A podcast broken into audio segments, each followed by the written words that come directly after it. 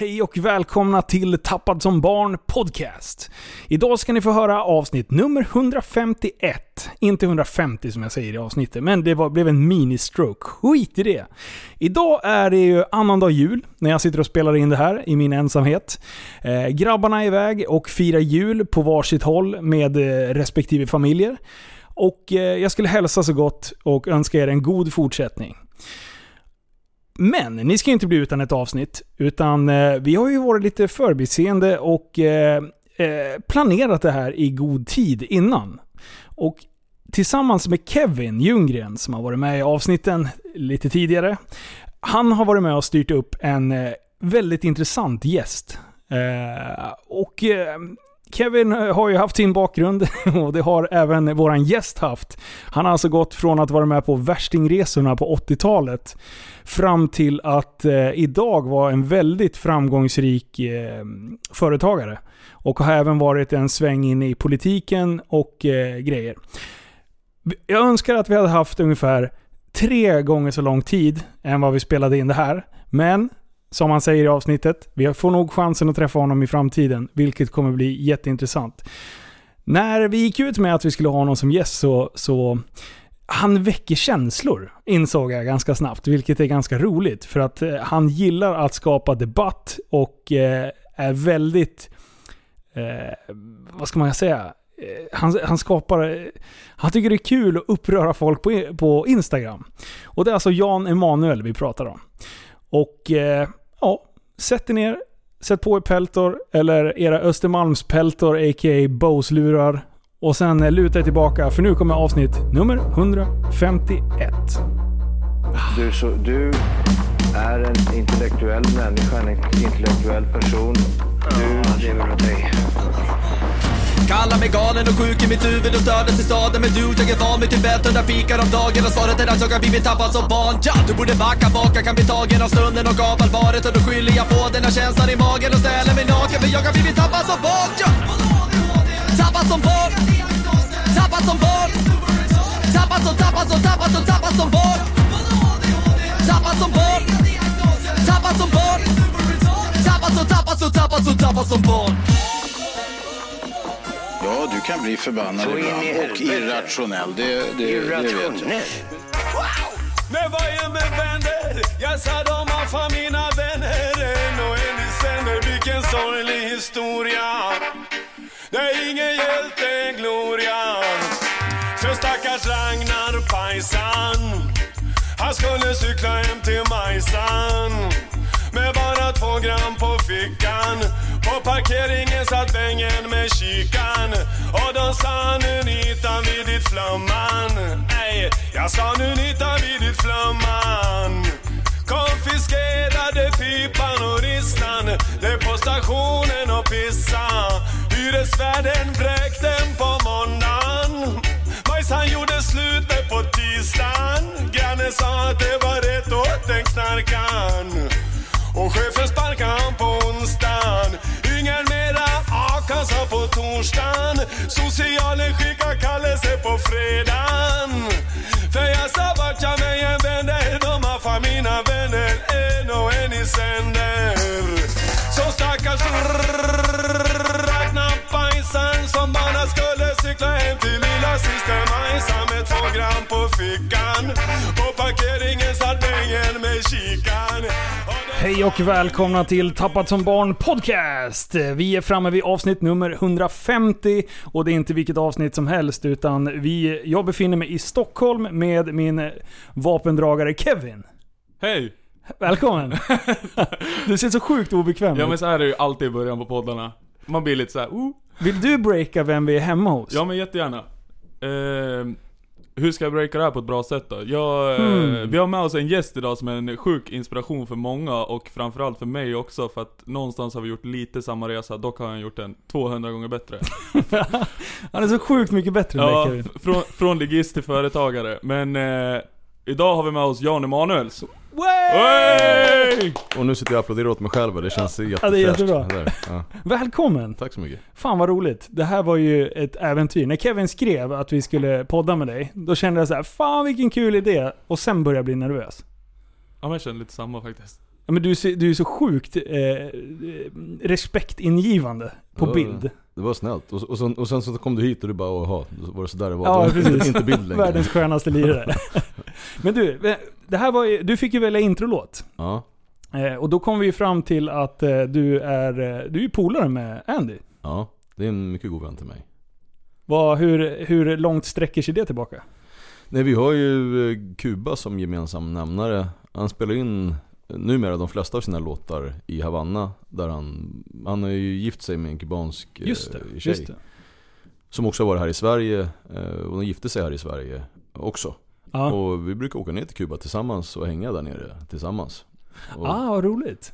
Ja, han är som en vad ska jag säga, fysiologiskt lyckopiller. Det går inte att vara på dåligt humör när man Nej, är, han är en karl. Och, och som sagt, eh, vi, vi sa det innan här också. Ger man han lite öl, jävlar vad, vilka action det blir. Och det är så kul. Och han har sådana sjuka teorier. Och det, är- han är ju bright den där rackaren. Ja men framförallt så, jag tror han till och med har en skiva som heter Underhållningsmaskinen. Jag tror att det är Nisse, eh, Nisse Possu som, som var med och tog fram det namnet på skivan. En, en jätteduktig DJ som också hjälper Governor Andy att få ut skivor och sådär. Ja. Men just begreppet underhållningsmaskin, alltså det, det där är ju en karl. Du kan släppa in honom var som helst så gör han alla glada. Det finns ju ingen scen som inte han kan äga. Liksom. Han är ja, sjukt duktig artist. ja. Men det här är min favoritlåt som, som vi just lyssnade på till introt. Så vi lägger in den i, vi har en playlist på Spotify. Så vi lägger in den så kan ni lyssna. Och, och texten, det är ett budskap i den som du sa är... Nej, jag tycker att den, den, är, den speglar, den, den gör en så samhällsspegling som är väldigt intressant. Alltså hur man ser, på det här fallet då, på eh, narkotika. Han pratar ju om, om Ah. cannabis i, eller han sjunger om cannabis i texten. Ja. Och han sjunger om hur han cyklar hem till eh, Majsan med några gram röka på, på fickan. Och sen så hur polisen då gör ett tillslag hemma hos Majsan, hittar en femma i en byrålåda. Och också om hur polisen går tillväga. Och det här är absolut inte att jag tycker att polisen som, att det är ett problem i samhället att, att polisen är för våldsamma eller att de gör för lite ingrepp. Utan det är snarare den, den juridiska och sociala påföljden som är, som också beskrivs på ett, kom, alltså på ett roligt, tragikomiskt sätt i den här låten. Att man då, vad hände med, ja de drar in, han blir av med jobbet, han blir av med körkortet, han blir av med massa stålar, han får böter. Alltså han blir en, en form av, av samhällsparia för att han nu hade rökt, rökt lite brass. Ja. Och det är inte så att jag säger att oj vad bra det är att röka brass. Däremot så säger jag att ta en person som har rökt brass och sen säga så här, vad gör vi med honom? Jo, vi, vi- vi, ser till att han blir av med körkortet. En människa i Sverige som har blivit av med körkortet eh, och, och en kille som har torskat på det här sättet. Det är ganska sällsynt att det är de, att det är de rikaste i samhället som torskar. Det är Ja. of- ofta de som är ganska dåligt med stålar, ganska långt ner i samhället. Och då har de då lyckats få ett körkort och så ska de bli av med det och sen ska de tvingas gå och lämna urinprov som de själva ska få bekosta innan de får tillbaka körkortet. Och ofta så tar man körkortet inte för att de har kört bil när de har varit, fludd, när de har varit flummiga. Utan Nej. för att de har, liksom, har haft röka hemma eller liknande. Och när du då sen straffas då för narkotikabrott så blir det ju som, det är någonting som, det, att ha det i papperna, du, har, du är nar, narkotikabrottet liksom. Det är någonting, Ja. det hänger med, det förstör i stort sett, alltså de åren som det hänger i. Alltså det är sånt extremt hårt straff. Istället för att se till vad det faktiskt var. Vad är det som har hänt? Alltså har, är det, en, är det en, en människa som håller på och säljer droger till barn? Ja. Nej, det var en vuxen människa som valde att röka en braja istället för att ta ett glas vin. Mm. Ska vi verkligen? Alltså, hur kommer samhället tjäna eller förlora på att straffa den här personen åt helvete? Vilket man faktiskt ofta gör med människor som har det i blodet.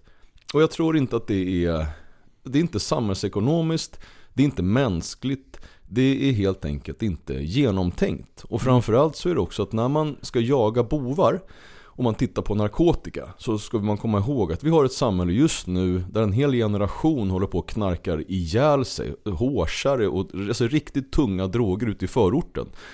Och samtidigt då parallellt så kan det vara så att man jagar några någon gammal vuxen flummare hemma hos honom eller några liksom stekare på Stureplan och tycker att där ska vi sätta resurserna. Ja. Och det kan jag tycka är kanske någonting man borde resonera kring.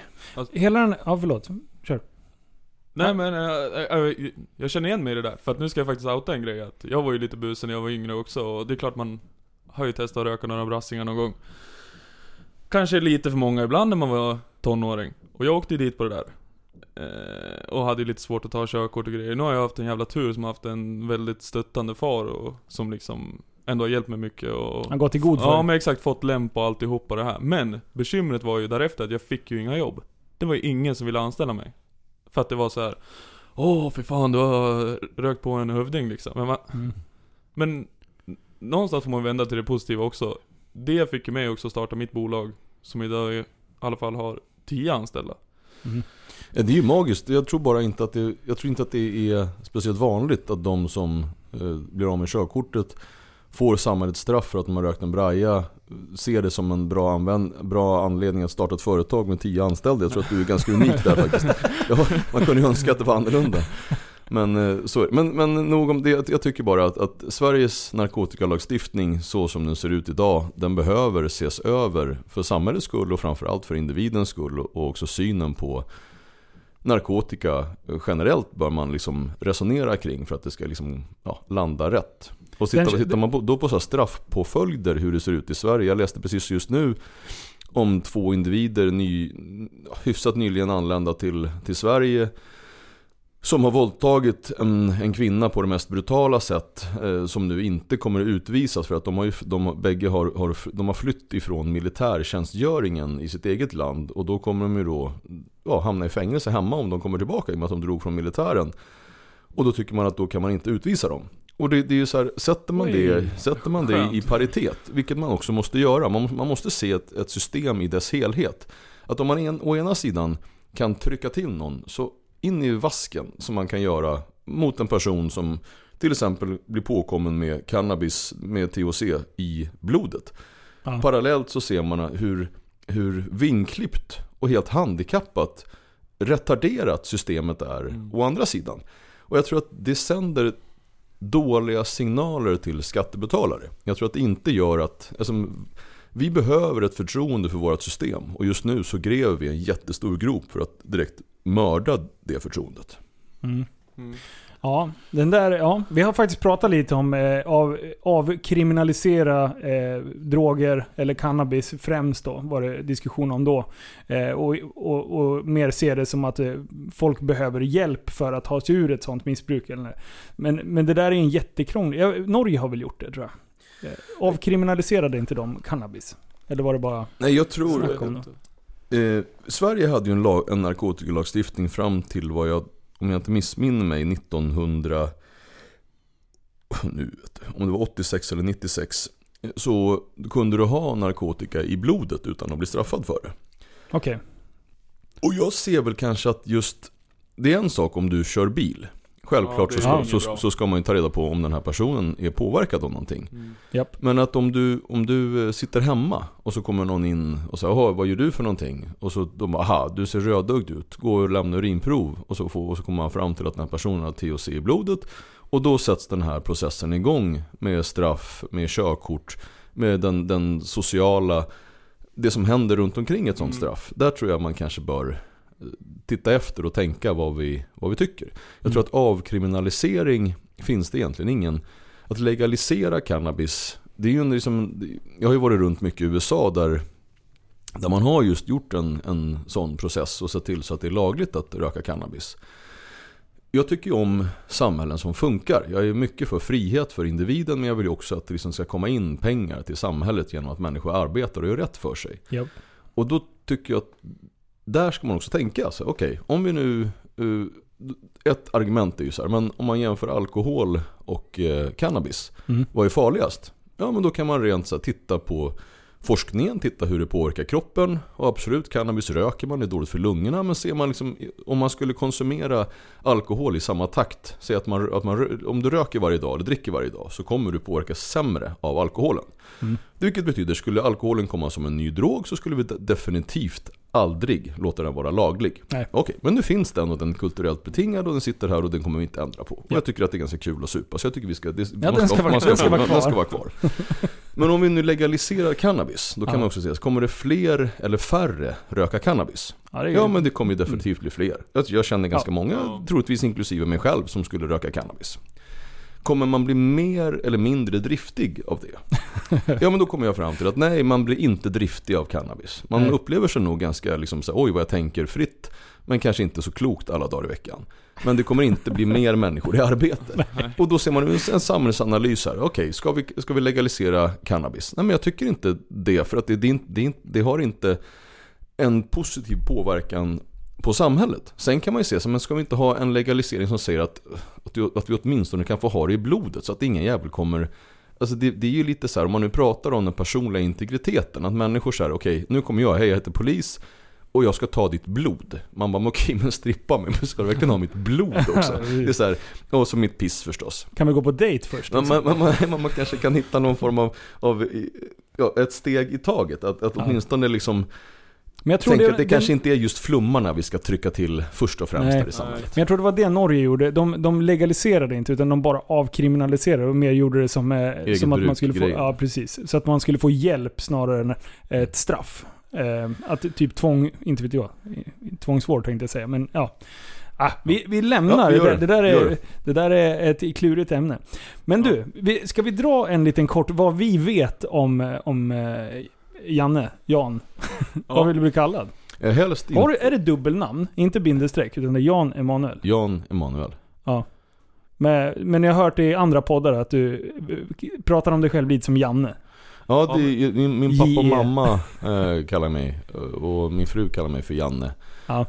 Sen blir ibland annorlunda när människor som man aldrig har träffat säger just Janne. För att det, det rimmar inte riktigt, men jag har ingenting emot det. Men J är väl det som är ett ganska, ganska vanligt förekommande. Sen har ju jag som så många andra olika former av smeknamn beroende på vilken subkulturell, Mm. ja, var man nu är någonstans. Biffen Ja, kallar vi honom. Butchen. Biffen. Kör, kör bara, kör bara. Vad vet vi om Biffen då? Eh, ja vad vet vi? Vi vet ju först och främst uppenbarligen att jag gjorde bort med min Instagram-story nyss när jag bara Leta parkering när man ska hänga med Janne. Ja, det, det, det gör ingenting. Jag måste ju säga, det här är en ganska rolig sak. Det kan man ju dra till lyssnarna. Att vi är nästan på pricken en timme sen med den här sändningen. Och det var för att de här lantbrukarkollegorna åker ifrån sin åker där de bor och bara Vi drar till den här Stockholm har jag hört att det heter. Vi drar dit. Fan, här var det ju bilar och grejer inne i stan. Vad fan köer? Vad är det för jävla ställe? Och sen så på helt på, helt på fullt allvar så, så får jag den här frågan så här. Var ska jag parkera? Jo, du vet tredje platsen till höger på Mosebackeporg. Där, testa! Bara, men din jävla bonde, vad fan trodde du? Och för er som lyssnar på hur, förra Hur avsnittet, som helst, så nu är de här i alla fall, en timme senare. Alltså ja, Ja. vi är ju vana med åkrar. Det Ja. kan vi inte säga någonting om. Men första gången jag hörde talas om dig, det var ju Robinson-svängen. Mm. Du var ju med i Robinson 2002. Nej, Ja, jo. Ja, det, det, 2001 var, gick ju själva grejen. 2002 kom jag in i riksdagen sen. Ah, just det. Just det. Det där, det, jag, jag lyssnade ju på, och det var ju ganska intressant hur du beskrev varför du sökte, ställde upp i de där. Kan du dra det lite snabbt? Mm. Jag tror att allting som du gör, om du gör någonting utan att tänka efter varför vill jag göra det här? Till exempel om du ställer upp i en såpa med så tanken att jag vill bli känd. Då är det ganska bra att veta varför man vill bli känd och hur man vill bli känd. Om man hoppar på en såpa och så tänker man sig jag ska testa att ligga med väldigt många människor i direktsändning, visa brösten, eventuellt min penis. Och sen tänker jag, nu vet ju folk vilka jag, vem jag är. Nu ska Och jag in i riksdagen. och så, och så är det ju, många kommer veta vem du är. Men du kommer ju också vara känd som en idiot. Och det gör ju att dina, dina förutsättningar att få arbete och, och bli lycklig och dina föräldrars stolthet blir mindre. Jag tänkte att, jag var inte, det här med såpa-grejen, det här var ju extremt stort då, 2001. Mm. Eh, Robinson var ju den, den det program som var störst av alla program och som drog, liksom, vi pratar tittarsiffror som inte ens är möjliga eller ens tänkbara nu för tiden. Ja. Det låter som att jag är 400 år och det kanske är åt det hållet kommer jag på. Alltså jag Men minns den här tiden också, så att jag sitter i samma båt. Ja men vad skönt, skönt att höra. Nej, och, och då, skulle jag in i, då skulle jag in i, i riksdagen och insåg att ska man ha ett personval, det, det, det här var alltså det första, det här var andra person, eh, personvalet någonsin i Sverige. Tidigare var det inte ens tillåtet att ha personval. Alltså vi levde ja, jävligt ryskt skulle man kunna säga. Men hur som helst, personval betyder ju att man ska ha människor som kryssar ditt namn för att du ska, ju fler kryss du får, då kan du också komma in i riksdagen beroende på hur många du får. Och tänkte jag att då måste man få det massmediala sökarljuset mot sig. Det vill säga tidningar, radio tv måste skriva om dig så att du, liksom, du syns. Per definition kändis. Så jag Ja. tänkte okej, vi, vi kör. In i Robinson och så har jag också med mig ett, ett ganska stort antal personer som tyckte att det var en bra idé att jag skulle in i riksdagen. För jag hade tagit mig in i fullmäktige valet innan. Och som då ställde upp att hjälpa till. Och då tänkte jag att om jag lyckas hålla mig kvar kanske två stycken, två avsnitt. Så då kanske jag kan lämna någon form av, av avtryck. Och med lite flyt så vann jag det där. Och det gjorde ju att det blev ett bra massmedialt genomslag. Och då kunde jag, precis så som, jag, som planen var, och det är ju väldigt tacksamt, att jag kunde stjäla det massmediala sökarljuset till min person. För att sen kunna, när det riktas mot mig, rikta det vidare till de samhällsproblem som fanns då och som fortfarande finns. Och det lyckades ju faktiskt relativt bra, måste jag säga. Det här var ju den bästa PR-kuppen någonsin. Ja, Det törs jag inte svara på, men jag var ganska nöjd med, med, med, med mitt tilltag själv. Men sen kom du in i riksdagen året efter alltså? Jag kom in 2002. Eh, Det, det som blev väldigt positivt det var ju att i och med att eh, det blev ju mycket skriverier så det påverkade ju också partiet. De, Mm. Det gjorde ju att de flyttade upp mig på riksdagslistan och jag liksom blev ett namn i, i partiet. Och ja, det var ju det som gjorde att jag kom in också. Bra. Mm. Coolt. Ja. Vill, vill du ta vidare? Ja men eh, det finns ju så mycket som jag tänkte prata med dig om. Vad är det, vad, när hörde du om Jan, Janne första gången då? Alltså först och främst, första gången jag såg det, jag vet inte riktigt, det var ju precis innan Instagram tog bort det, så man kunde se vem som hade gillat och bla bla bla. Mm. Så då såg jag någon video med dig när du drev, bara, ja men det här var ju lite sossigt. Så i början var det så här bara, ja men fan det här var ju kul, det var en kul kille. Sen började man ju se allvaret i det hela när du faktiskt kommer lite så här, ja men allvarliga saker. Och då blev det helt plötsligt väldigt intressant på ett annat sätt att följa på det viset liksom, att nu var det inte bara ett skämt utan nu var det ju Det här är jättekul för att när man är ute så kommer det fram folk och säger Åh fan vad bra du vet och kramar en. Och man bara "Oj, fan de, de, de gillar mig för alla mina kloka åsikter. De bara Ey skitskön bil bre. Och man bara, men vad har det, och då har det liksom gått ifrån. De har inte en aning om varken riksdag eller Robinson Det här är en helt ny generation Av, den här, av Instagram folk liksom. Ja. och, som, och särskilt så unga killar Där har det verkligen blivit en en stor grej med liksom både sägningar och, och vilket jag inte alls hade riktigt fattat faktiskt. Jag, ja, jag trodde ju man levde kvar på gamla meriter men, men där är det mycket, ja, mycket av det här det, har tagit, det har tagit vid där alltså. Ja, den, hos nya generationer är det definitivt så. Vilket är extremt tacksamt. För då får man ju också en, en ingång till att kunna påverka de personerna genom att man både, jag tror att det är viktigt att man både kan skämta och bjuda på sig själv för att sen komma med någonting som folk behöver tänka på. Som jag tror att det här är nog viktigt att man tänker på. Så Kanske till och med liksom. kan vara med och, och påverka och förändra vad det lider. Liksom. Mm. Jag tror Men- samhällsengagemang är, är tokviktigt, särskilt bland de, den nya kommande generationen också. Mm. Eh, du nämnde här lite med bilar. Du är ju bilintresserad, Mm, minst sagt. ja. Eh, kan du namedroppa några bilar som du har, som du har ägt eller äger, som du liksom är så här extremt nöjd utöver? Jag vet faktiskt en måste jag säga. Mm, kör. Rolls Roycen. Ja, den, den var en magisk bil. Har du sålt den? Ja, den är såld. Eh, Jag vill ju, vill ju ha en likadan fast eh, cab, så jag håller på och tittar efter en, en sån. Ja. Men det var en, den enda bilen faktiskt som, som den hade ju ändå, var det mellan 600 jada jada hästar. Mm. Men den, den enda bilen med så mycket hästar i där jag inte haft någon som helst sug över att trycka på gasen. Där man kunde liksom Man ligga och åka. Ja, man kunde åka runt i 50 och bara tycka att världen var så... Var man på dåligt humör då bara, jag åker en sväng med bilen. Så, Ja. bara, så att man åkte runt och var nöjd liksom. Bra. Och det var också skönt för att när man har, jag har haft, till exempel om jag jämför om jag åker runt med, med en Lamborghini till exempel. Mm. Då är det ganska många som, som kommer fram och är nästan lite fräsiga. Så här, Jaha, varför ska du ha så här många, vad är det där för bil då, varför det då och sådär. Rollsen, det var alla generationer. De som var yngre, Ah. de, såg inte att, de såg inte vad det var för bil. De såg bara shit vilken cool bil. De fattade inte märket liksom. Ja, Dörrarna går åt fel håll bre. Man bara ja, det, men, ja. Och, och framförallt äldre personer kom fram och bara åh det är en sån där fantastisk bil. Och var, alla var glada. ja. Jag fattar inte riktigt varför men det var en som hade en teori om att De där bilarna de är så atsikens trassliga och stora och bökiga att äga. Så alla tycker att de är fina men ingen vill egentligen ha den som vanlig bil. Nej, men, men nu måste jag också bara för att rädda upp då Rolls Royce försäljaren de hade dödat mig om jag släppte det där. Att det är inte längre så. Utan Rolls Royce är inte längre en trasslig bil utan det är ungefär så, det är som att ha en BMW liksom. Det är bara att skicka in den på, på service. Någon krona dyrare kanske. Men eh, de, de är inte jiddriga, de är inte trassliga liksom. Ja, men du, Lambo då? Är, är det en Huracan du har? Ja, jag har haft några stycken. Okej. Eh, och Hurakanen är ju, det, det är bruks... Den är, det är en bra bil numera. Det är klart att den är lite stötig och bökig och lite, lite låg. På vintern är den sådär. För att eh, när det snöar så då, då plogar den liksom fram, Ja. framför sig. Och då kan man ju trycka på så högt läge. Men eh, den är ju bara högt läge till 50. Och då åker den ner automatiskt igen. Ja. Så, så, så kör, du lite, kör lite fort och så kommer du ut till att jag ska hälsa på er på åkern. Ja. Och så, och så är det så här små snövallar, det blir såhär plopp, plopp. Och så känns det ändå, och de väger ju ingenting så det, det blir lite lätt att Alltså, åka i man diket snackar om vattenplaning ibland, men det där är så här snöplaning. Snö, snöplaning, snö, som en jävla snö, skida. snövallsplaning. Så En- de är, Lambo är bra på sommaren, mindre bra på vintern även om det är fyrhjulsdrift. Ja. Alltså det är ändå en, en, in- intressant tanke det där bara, men nej men det är en bra bil. Är det typ nya generationens 740 sosse-container eller? Ja, det, det, det som, jag har ju använt den på det sättet. Det är bara det att den är, först är det sjukt svårt att surra, för jag har ju alltid haft cab. Mm.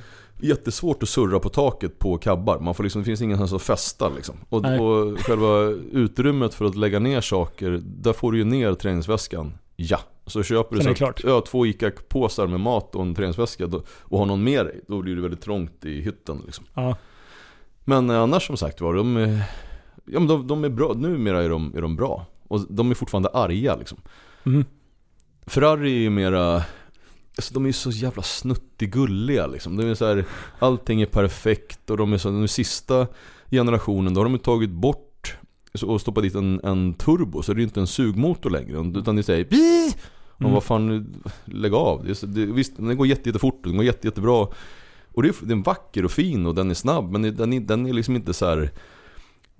Får man säga karig i, i en, på, på ett väldigt positivt sätt? Det får man göra va? Ja, ja, den är, absolut. Lambon är mera karig, den är så här, ja, Robust. Ja men så här, håll käften. Ja men det, det, den skakar lite och den låter mer, men den är mer så här hardcore.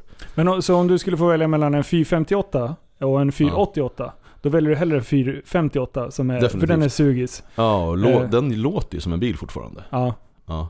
Sen är ju 488 är ju liksom den är mera... ju frän för, i sitt slag. liksom. Ja, och den är ju fantastisk. Kör man på bana, men fan jag skiter väl i att köra på bana. Jag åker runt för att se ball ut liksom. Jag, jag är helt ointresserad av att åka fort runt, runt. Ja. Så, sen min absoluta favoritbil. Jag gillar ju jänkare mest som bilar för att de, de har, jag vet inte, italienarna de får aldrig till det, det blir aldrig en identitet i bilen. Alltså du, du har en ascool bil men jag- den blir jag inte, det är inte så att jag så köper den och bara det här kan jag aldrig sälja. Utan Nej. så, ja, jag, vill ha en, ja, jag köper den likadan fast ännu snabbare för att det är just, den är, bara, den är snabb. Medan jänkare, de blir man ju så här, de får ju en, ett surr med nästan. Du blir ju, får ju en relation med en gammal jänkare. Jag skulle, skulle jag sälja min gamla, jag har en, en 68 Charger. Det skulle kännas som att jag så här, Nej men är otrogen typ. Nej men jag skulle, Ja. inte, jag, skulle inte kunna, jag skulle inte kunna göra det för han, han skulle bli ledsen liksom. Ge Och vi- blommor till bilen Ja, och, vi- Be och om vi, vi är ju så här, vi har ju en relation där det, oftast är vi hyfsat sams, men vi är ju jätteosams. Man skriker åt varandra, eller åtminstone jag till den. Så här, jävla idiot, har du så här, ladda ut batteriet igen. Vad håller du på vägen? Vad kan det vara? Ja, och nu är han, nu håller han på att få en ny bakaxel och nya bromsar. Så då tror jag vi kommer få en bättre relation nästa sommar. Ja. Jag måste säga, jag, jag håller ändå med det där med Lambo och Ferrari, för Ferrari luktar lite så här 60 plus och 19-årig thailändare. Eller är det bara jag? Oj, oj, oj, oj. Eh, Det, det, måste ju, det, det låter ju förvisso som, som väldigt positivt. Och så, jag, jag tror ju, det här är också en grej som, som är, eh, om man nu ska se det lite filosofiskt i, i relationer. Så tänker alla att, att ojämn, alltså när människor är i olika åldrar så då är det alltid så här någonting som är suspekt i det. Samtidigt så säger det, samma människor säger så här att, men tycker du att kärlek är det någonting som bara har med ålder att göra? Då skulle man säga nej absolut inte, det är kärlek är det vackraste som finns och det har ingenting med ålder och utseende och fetma och tatueringar och någonting att göra, utan det är bara kärlek. Ja. Bra! Men nu kommer det sig att man på en gång tittar på en man som är gammal, som har en yngre kvinna med de ögonen. Det är lite märkligt. Ja. Vänder man på det och, titt- och, och till exempel om någon det finns ju ganska många exempel i den svenska popkulturella historien av, av skribenter och författare som, som skaffar sig yngre män. Då Ja, är det ja. mer så här, jaha, ja men gud vad mysigt att hon vågar liksom, Vilken stark Ja, kvinna." vilken stark kvinna som vågar liksom och, säga och prata om sexualitet. Åh gud vad mysigt. Jag tycker det är speciellt. Ja. Jag tycker att man ska fortsätta tänka att kärlek är kärlek. Sen hur den här kärleken utformar sig så länge den är okej på bägge, på allas villkor så är den mest bara vacker. ja. Men du, vi fortsätter lite i motorspåret. Kevin, nu, jag, jag kör nu. Kör. Eh, jo, hojar. Ja, bilar då. Det, Ja. det, det, som om du skulle få välja mellan eh, muskelbilar eller eh, supersportbilar liksom. Ja, jag är ju muskelbils, jag tycker att det är skönare och roligare. Sen så, så har jag ju märkt att eh, det provocerar mycket, mycket, mycket mer med supersportbilar. Och därför har jag ju fler sådana. För att Ja. det gör ju människor arga. Raggarbilar blir bara såhär, ja cool raggarbil, punkt. Ja. Det är ingen som vet liksom eh, storheten med dem. Nej, de fattar in, inte riktigt. Utan många säger, ja det där passar dig bra. Jo, jo okej då, men du blir, inte, du blir inte arg, då är det inte kul. Nej, Det är ingen som kommer fram och säger bre till en raggarbil eller? Nej men det kommer fram mycket folk, där är också så här positiv, folk blir, blir glada och de tycker att den är lite cool, förutom så här miljö. Folk som inte fattar någonting, som säger sig vara miljövänner och så kommer de fram och, och, och gnäller på en raggarbil och tycker att men den där är stor motor, jag hör ju på ljudet här att det, och det åker avgaser ut genom avgasröret och man bara oj shit, no pommes frites din geni. men å andra sidan så tror du att jag sitter och pumpar och pendlar till Kiruna med den här bilen. Att, jag, att, att det här är en bil som, som åker som en, nej, dåre. Den här är ju en sån här bil som tas fram på sommaren och som är, det här är en fritidsbil. Skulle, skulle fler människor som, om man tittar på de personerna i Sverige, den min, så- som egentligen inte är en minoritet men som behandlas som en så här så ungefär som vi be- behandlade samer förr i världen, alltså på, så- med ett, på ett jävligt taskigt sätt. Alltså hårt arbetande vita män på landsbygd. De, de, de, de, det är en här kategori av människor som alla får håna. Så så här, Ja, håller du på med din 240 haha, och raggarbilar och sitter där och, och de har inte ens moderna kläder liksom. Det är ju så, men så söderkulturella skitfolk som sitter och, och Han gärna så här beskriver oss. Ja det var det jag tänkte säga, det är skönt att han backar oss Ja, i alla fall i det här. De sitter någon sån här fisförnäm eh, så här, vänsterskribent i Stockholm och skriver om, om så här hånfullt om, den, om de här vita white trash-folken, raggarna där ute på landet. Som är den förbannade ryggraden på det här landet. Skulle de säga så men fuck you då, då slutar vi jobba. Ja men tjena, då, då, då fanns det inte liksom inget Sverige längre att luta sig mot. nu slutar jag gå till bruket. Ja men precis, Mm, nu kör. hur, hur gick det liksom? Ja men det är sådana De här människorna, de ska ju lyftas fram som de vardagshjältar de faktiskt är. Som faktiskt nöjer sig och tycker att det är mysigt. Tänk då alla de timmarna som man spenderar på den här raggarbilen på vintern. Man, man, man skalar ner den, gör i ordning den, gör den som ny. Där finns det definitivt inte en, en miljöfara. Alltså det, det lilla som de här bilarna släpper ut i förhållande till utsläppen är ingenting. Så där ser man ju liksom muppibiliteten på de personerna som ger sig på de här individerna och säger att det är ni som är miljöbovarna. Och det är, det är, bara, så här, det är bara så genuint korkat och det är, ja, jag ville bara få det sagt till de här vänster-militant miljömänniskorna som inte förstår vad, vad rationalitet är och vad man ska egentligen ska vara arg på. Ja. I- Nej, det ligger inte. Innan du går vidare på hojarna så har ju Jan Emanuel dragit en ganska skön aforism till just det här ämnet. Ja, Ska du läsa upp det så kan väl han få förklara sig lite? Ja precis. Jag läste det på vägen hit. För det Ja. första var jag tvungen att googla aforism. Mm. För jag, jag hade inte riktigt eh, stenkoll på det måste jag säga. Mm. Har du en egen definition? Liksom, hur skulle du beskriva det för lyssnarna? Ja, men så här, citat vet ju de flesta vad det är för någonting. Ett citat är ju en, en klok sägning av en individ. Mm. Och i och med att jag då hittar på själv höll jag på att säga. Man, ett ska man veta, ingenting som du skriver, ingen bok eller citat är längre ditt eget. För att du, du har alltid hittat inspiration hos någon annan. Så skulle jag säga så här, alla mina citat är bara mina egna. Ja. Så det är klart att det går att hitta någon som säger någonting liknande någonstans. Japp. En aforism är inte rakt upp och ner eh, ett citat utan det är just en, en sägning. Ja. Eh, och det här är ju olika former av sägningar. Alltså, någon form av liksom lite småroliga klokskaper som jag sitter och snidar ihop och sen skriver på min eh, Instagram. Ja. Just, just den här är ju riktigt rolig. Ja, precis. Och då har du skrivit en som heter, eller som låter, låter så här. Eh, Vissa människor vill prata hen, prata könsmaktordning och ha skattefinansierad elcykel. Andra människor vill ha Lambo för att kunna köra långt bort från den andra sortens människor. Det är så jävla bra alltså. Den hade jag glömt bort Jag själv. skrattade åt den Ja, där. den är så jävla bra. Och nu sitter jag just och skrattar åt mitt eget skämt och det, det är också fräscht. Du får skratta åt oss för att vi Ja, skrattar. tack. Ja men du, hojar. Mm. Eh, hörde jag ju också. Det är ju någonting, där, där bondar ju du och jag. Mm. Jag älskar ju att köra hoj. Jag har sagt det från när jag var liten. Dör jag på motorcykel, då dör jag i alla fall lyckligt. Vilket låter jävligt Mm. hemskt nu när jag har barn och grejer. Då inser Mm. jag att det där är inget bra att säga sådär. Mm. Eh, man ska inte jinxa någonting. Men, eh, och då hörde jag i, att du också är lite hojintresserad och hade, redan från unga år hade en HD va? Mm, jag har startat HD-konto när jag var 10 år. Och där jag sen jobbade och fixade så mycket man gör när man är, så mycket man pallar när man är unge. Ja. Och så la jag in det på ett konto när jag var 18 år. Då hade jag 48 000 kronor. Exakt. Och exakt då var det en som, då fanns det en annons på en Electra Glide från 1968. Mm. Som var till salu för en hel del mycket mer. Men jag ringde och terroriserade den här människan. Hotade. ja, men, ja, men, tills han släppte den här gamla hojen. Så jag fick den då. Eh, Det här måste ju varit, ja, vilket år det nu var när jag fyllde 18. Och köpte den här eh, hojen när jag var 18 år och typ två månader. Ja.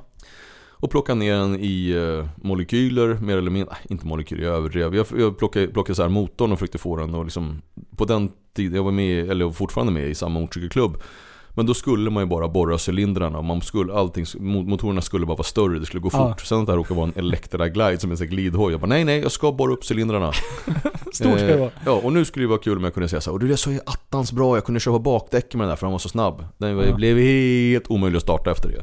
Okej. Så, så, så var jag, jag stod och kickade, du vet så här, Den startade under 30 kickar, glöm det liksom. Åh, nej, vad Alltså, jobbigt. det, Men det var min första, första hoj. Har du sen- kvar den fortfarande?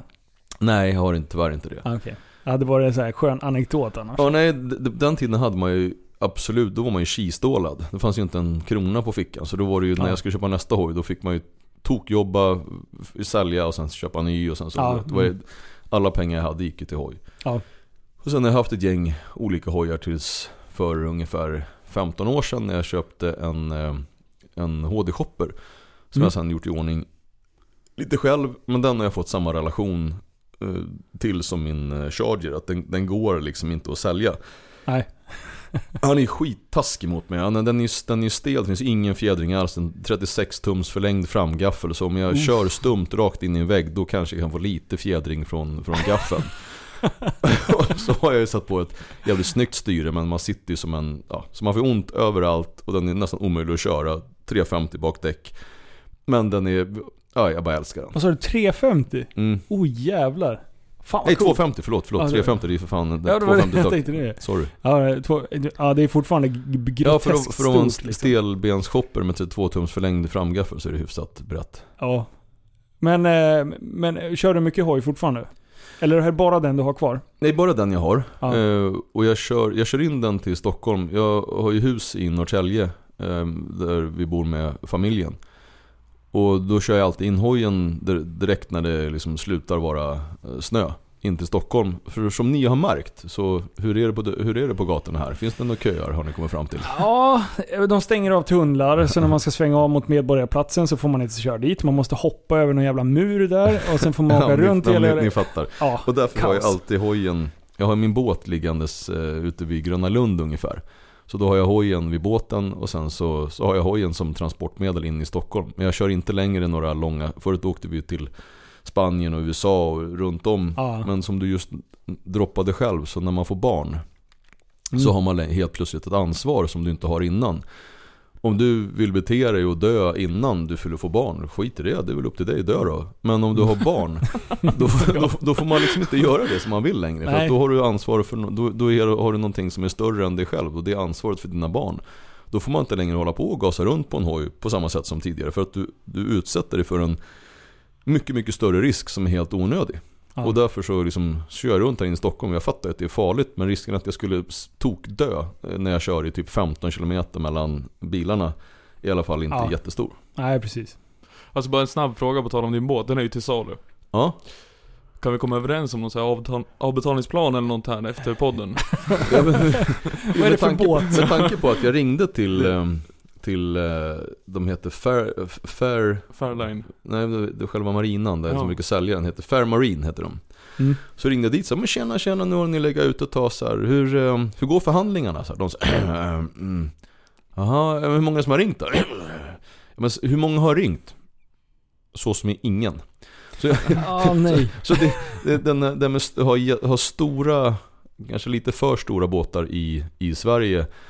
Vi har precis kommit fram till att, vad ska man säga, de potentiella köparna är, är inte jättemånga när det kommer i kritan. Men du, de, de kanske lyssnar på podden nu. Vad är det för båt? Det är en Fairline 62 GT targad, alltså 20 meter eh, engelsk båt. Det är Ja. tre, tre rum och tre toaletter och ja, bra att ha båt helt enkelt. Alltså det är en riktig knullbåt på ren svenska. Oj, Men det, oj. är, det, där, det där är också sådär, hur, hur, hur skiljer man en knullbåt ifrån, finns det samlagsbåtar eller Ja. är det liksom, okej. Det är lite typ som, eh, som min. Ja. 21 fots eh, V8 med rakrör i alla fall. Så det är big block. En raggarbildbåt. Ja, det är Ja. lite så här mer mys samlagsbåt. Det här är liksom en... Alltså vi, vet du vad vi Ja. gjorde i, i somras? Vi hade en vattenskoterträff. Ja. Vi bara Sveriges här, det- största. Men Det finns ju liksom hojträffar och bilträffar och så, så satt vi och klurade och bara vi måste göra en på vattnet. Såklart. Så vi blev nästan en 80, 80 eh, vattenskotrar. Mm. Och sen var det Kevin med i sin jävla båt. Eh, och sen så, så stannade vi på olika ställen och sen så fick den där jävla smartskaftet eh, en briljant idé av att liksom lägga sig verkligen i, i, innan planing och bara gräva ner arslet så djupt det bara gick och bygga Mm. vågor. Mm. Eh, så åkte de och hoppade efter det och så jag liksom. Då åker han alltså mot det är så sjukt tydligt. Det är en smal passage, eh, så har gröna och röda prickar Mm. hela vägen. Det är så här, vilken idiot som helst förstår att här ska du köra emellan. Kör du utanför så går du på grund. Och där ser jag bara honom bara gräva ner. Bah! Och så bara sliter jag upp eh, sjökortet och börjar kika och jag bara alltså det är typ en halv meter där. Aj. Så började jag hetsringa till honom liksom. För jag bara, nej men det är redan för sent. Och sen bara, nej men han kanske svarar. Och så svarar han precis innan du kommer fram till det här riktigt grunda. Bara, slå av din idiot, vad fan håller du på med? De bara, vadå för något? Du förstod ju inte ens förrän du kom tillbaka och jag visade dig att du, hade du kört 20 sekunder till Ja, du klarar dig. Ja, Ja, jag precis. älskar lyckliga historier. Ja. Alltså vilken... Ja, Så, men vad fan, gör först tänk sen liksom. och varje gång, han, kan du läsa ett sjökort? Alltså jag vill ju så här, jag är ju född och uppvuxen på Sjunje med farsan och alltihopa då. Men, eh, men jag, vill ju se mig själv som en ganska duktig kapten på ett sätt. Men just det här med du vet, eh, ta ut kurser och sjökort och kolla på sådana där Ja, de här grejerna som flyter Ja, i de vägen. där röda Flytt och gröna, ja. Mm. Jag är inte skitduktig på dem men, äh, vad fan. Kör du själv?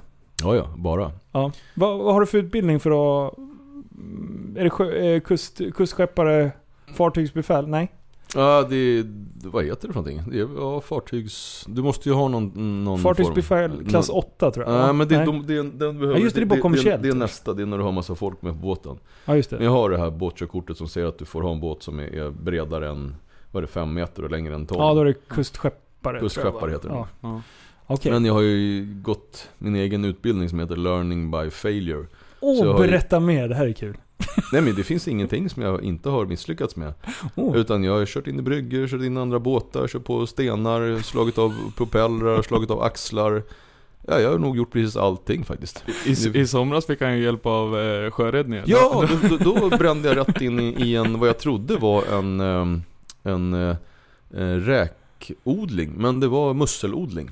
Så, så, så, och kör man rakt in i en sån, då, då säger det stopp. Då säger det fluff, fluff, Så, fluff. så jag, allt. jag vill ju definiera mig själv som någon form av djurrättsaktivist i det. Jag ville, jag ville fria musslorna bara.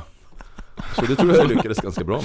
Förstår du vad jag menar när jag förklarar för honom? När du frågar mig, vad menar du med att han är så positiv? Det är så Det är det här jag menar. Han har alltid liksom så här en skön grej till, till allting som händer. Bara, "Ja." Ja men det finns en, som sagt, man, det, finns, det finns faktiskt alltid ett sätt. Och jag tror, om man nu ska vara seriös i just det sättet att se på saker. Så tror jag att det kan, det räddar ens själ på något sätt. Då, vi tar något enkelt så här. vi eh, missar bussen. Ja, Mm. jag är vad hette det här där ni bodde? Eh, ja, Kvicksund. Västerås. Ja, nu, nu, tar jag i då, men pon- ponera att jag missar bussen och jag är i Västerås. Då kan jag antingen så svära och tänka jävlar, åh vad dåligt allting blev nu för nu kommer jag inte hem till Stockholm. Jag ska tänka så här, men jag är ju i Västerås. Nu har jag två timmar på mig att lära känna den här staden. Att gå runt och se, kanske träffa någon folk. Mm. Och det är ju verkligen så. Du, du, all tid finns det ju tid för lärdom och insikt i någonting som du kan göra.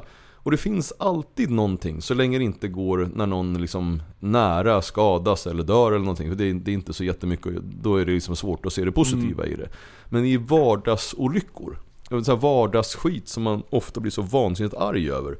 Så finns det alltid någonting och säga, ja men det här då? Det blev ju, vrider man bara på det här sättet så kan du lära dig någonting av det istället. Och i värsta fall så lär du åtminstone att inte göra om det. Ja men precis.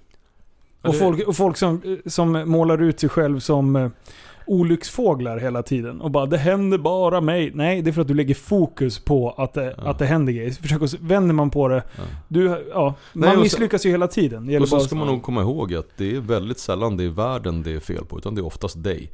Och, det, och, de, och då när man då kommer fram till att men då ska vi förändra världen, så, ja, börja, med att, börja med att diska du innan du förändrar världen så ska vi se, kan vi snacka sen. Ja. Jag, jag har en undring. Mm, kör. Du är ju väldigt provocerande med, med en hel del av dina Instagram-inlägg. Eller man kan säga jag gör att så 50, gott jag kan. fem- 50% blir provocerade, 50% sitter som mig och hejar på dig. Mm. Bara, ja, fortsätt. Ty, typ ett Mm. inlägg när du tog båten till jobbet för att det var ju miljöbov och kör bil. Ja. ja men så här sköna grejer. Eh, och du är väldigt anti jantelagen, du har ju pratat rätt mycket Mm. om jantelagen. Tror du någonsin att vi kommer komma över den här eh, jantegrejen i Sverige där man någonstans är liksom glad åt någon annan? Såhär bara, men fan vad roligt att du har lyckats. Eller som du beskrev det själv, du är ju fulrik och inte finrik. Mm. Nej, jag tror, att, jag tror åtminstone så här. Jag tror att allting eh, Det finns ju en evolution i allting. Alltså kultur förändras, allting förändras. Till och med kroppen förändras ju över tid. Alltså, går man tillbaka x antal hundratusen år så såg ju inte ens kroppen ut som den gjorde. utan Allting, är, allting anpassas. Och den här Jante om man ska dra en, en historia väldigt kort härstammar egentligen ifrån en norsk författare som kommer i, i, som skriver om ett samhälle där en stad heter Jante och den här staden Jante det var ju som ett litet Hallstavik eller en sån här liten bruksort. Och i en bruksort där är det ju alltid så att den som sticker ut får ju ett helvete. Mm. Och därifrån kommer då begreppet Jante. Sen så finns ju liknande begrepp som Jante alltså internationellt. Om man tittar på i, eh, i Japan så då har, man, har de ett liknande begrepp eh, så här, där man eh, pratar om till exempel när man kokar humrar eller kräftor. Så då visar det sig att kräftor liksom har en benägenhet och de som försöker fly det kokande vattnet drar ner den andra kräftan, kräftan i vattnet igen. Mm. Och sen finns det massvis med här olika, allt från det grekiska gamla samhällen om hur ja, man alltid då tryckte ner eller försökte få bort de personerna som stack upp. Men i, i Sverige har tydligen varit ett väldigt lyckosamt samhälle just för att ta till sig den här jante, eh, vad ska man säga, sättet att vara. Att man säger, tro inte att du är någon. Mm. Och det, har- det har nog haft en funktionalitet i samhället. Gammel, gammelkristligt när samhället liksom behövde byggas upp. Det var så här att alla, vi kämpar lika mycket, tror inte att du gör någonting. Så där fanns det liksom en, en samhällspoäng med så här, den lutherianska läran. Mm.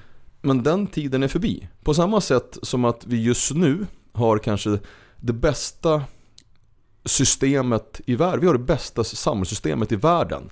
Anpassat till en tid som har flytt. Ah. Är ni med? Mm. På samma sätt så är Jante, det, är så här, det var nog bra. Det lutherianska tänket och Jante-tänket var bra för 100 år sedan. 200 kanske. Nu så läggs det bara som en blöt filt över medborgarna. Det förstör hela samhällsutvecklingen och, och så möjligheten till att våga utvecklas och, och vara överhuvudtaget. Det är sen nästan, nästan som så här klassiskt förtryck mot minoriteter eller mot kön. Att våga inte, liksom, våga inte växa upp, våga inte blomstra ut. Så jag tror att Sverige kommer eh, som senaste landet i Europa ta sig ur och vika bort den här jantefilten. Där man faktiskt kommer tilltalas av den individuella möjligheten att faktiskt bli någonting. Att våga säga så här att, för, för nu ser man ju Många av de här, den yngre generationens föredömen sitter ju och säger så här, ja vad ska du bli? Ja, jag bara- jag ska bli bara rikast av alla bara. Åh, titta vad cool han är, vilken vision han har. Man bara oj, och jag tycker, det är, jag tycker det är fräscht, jag tycker det är coolt. Jag älskar människor som faktiskt vågar ha de här visionerna. Eller jag älskar främst de som i handling visar att de också försöker ta sig dit. De som ba- bara snackar har alltid bara varit snackare och de är mest bara psykande. Men de som i praktiken visar att de faktiskt vill något. Det är ju Mm. stor, alltså all respekt. Och dit tror jag vi kommer att komma pö om pö. Så svaret Mm. på frågan är att kommer vi kunna ta oss ur den här, få bort den här vidriga blöta jantefilten ifrån våra huvuden. Så ja, jag tror att vi kommer, kommande generationer kommer att slippa den. Det känns betryggande ändå. Ja, det är bra. Det behövs. På, på, ja, ja, det behövs. I nu. Ja men faktiskt. Jag bestämde mig nu. Ja. Du kan inte ens gå och hämta en ny bil liksom utan att någon bara vad fan, ja, har du vunnit på Lotto eller? Bara, Nej, jag jobbar. ja, var, precis. var liksom lite glad åt någon Och annan. hade du då vunnit på Lotto, då hade du ju också blivit gratulerad. Och Ja, Gud vad det är det kul att du, vann, att du vann på Lotto, det var ju fantastiskt. Duktiga dig. Sen men, men jag jobbade ihop pengarna. Jävla svin. Tillbaka bilen, hoppa i havet. Jättekonstigt. Man får jävligt mycket vänner om man vinner på Lotto har jag hört också. Ja. Såhär nya polare som bara, "Åh, fan kan jag få låna 10 000? Nej men de kompisarna får du faktiskt även när du jobbar ihop pengarna kan jag säga. Ah, är det så? Ja. Mm. Ja det är bra, då vet vi vart vi ska skicka. När Kevin har, har drivit sitt eh, eh, företag i, i botten här. Ja, Då, kommer det. då ringer jag till läget? Nej, nej, inte Jan. Då kommer jag säga, hej Jan Emanuel, skulle Ja. du kunna... Ja, just det. Ja, då, då, som sagt, då kommer jag kunna ställa, säga så här, men vad härligt, då kan du ställa dig i den kön av människor som skriver till mig hela tiden om, om att saker och ting har gått åt pipsvängar och, det, och om jag bara gav dem si och så mycket pengar så skulle allting bli mycket bättre. Och då säger jag konstant att vet du vad, gå och jobba. Ja. Det är ändå så? Alltid. Att du får? Ja, alltså inte, inte ett, utan, utan inte, Ja. inte några stycken, utan jättemycket sådana Är- såna grejer. Är det mycket folk som du inte liksom har en aning om vilka det är? Eller är det även så här ändå typ tjenisar som bara det- Fan, det- då- Janne jag vi skulle- har tagit en bira. Jag skulle ju säga att de flesta är ju människor som jag inte känner alls. Det är de som kommer med De vanligaste frågningarna är så här, hej jag har en idé. Och, så här, och, och inte så här att hej jag har en, en utarbetad affärsplan och en budget. Utan så här, hej jag har en idé. Eh, Jag skulle tänka mig så här att jag utvecklar ett par så här jättebra eh, lurar Mm. till iPhone som, så, så, som, som blir jättebra. Så om du bara ger mig 3 miljoner så kan jag utveckla den här idén. Och man säger, men fan, kul ändå liksom. Men ung, och ungefär den se- seriositeten som då bara, men jag har en idé, ge mig pengar så blir det bra. Eh, två är ju så här. Av olika anledningar så har det inte gått något bra och, och, och min syrra och morsa är sjuka och jag har inte pengar till hyran så skulle du kunna skicka över så här 10 lax. Mm. Eh, men sen kommer det ju sådana här, jo hej vad fan, eh, kommer du ihåg vet, vi träffades ju här, i sjuan, det jävla härligt det var du, så här, du hade så här, luggen hängde ner mot näsan och, du, så, ja, och kan man få låna 30 brak? och, det här, och det här kan ju fortsätta till evinnerlighet. Liksom. Sen tills människor, ja, ja det, det, det är of, of, det är sällan att det, att det, om man nu ska liksom släppa fram en en lite missvisande bitterhet för att jag är långt ifrån bitter men det är ändå en del av verkligheten. Att det är ju Mm. ganska sällan att om du, om du chefar, om du är liksom den sista i ledet i, i ett, när det gäller företag eller vad det nu i din familj eller vad det nu är. När, man- att, okej, när någonting annat går så du är, det, du är liksom ankaret. Det är så efter dig finns ingen, ingen att fråga. Så när det ringer och du har den positioneringen så ska du veta att det är inte så i 99, komma någonting mer av telefonsamtalen som är inkommande så är det inte så här Hej! Ska vi ta en fika? Utan det är så här Hej! Det här har gått åt pipan. Har du, kan, kan du hjälpa mig med det här? Kan du göra det här?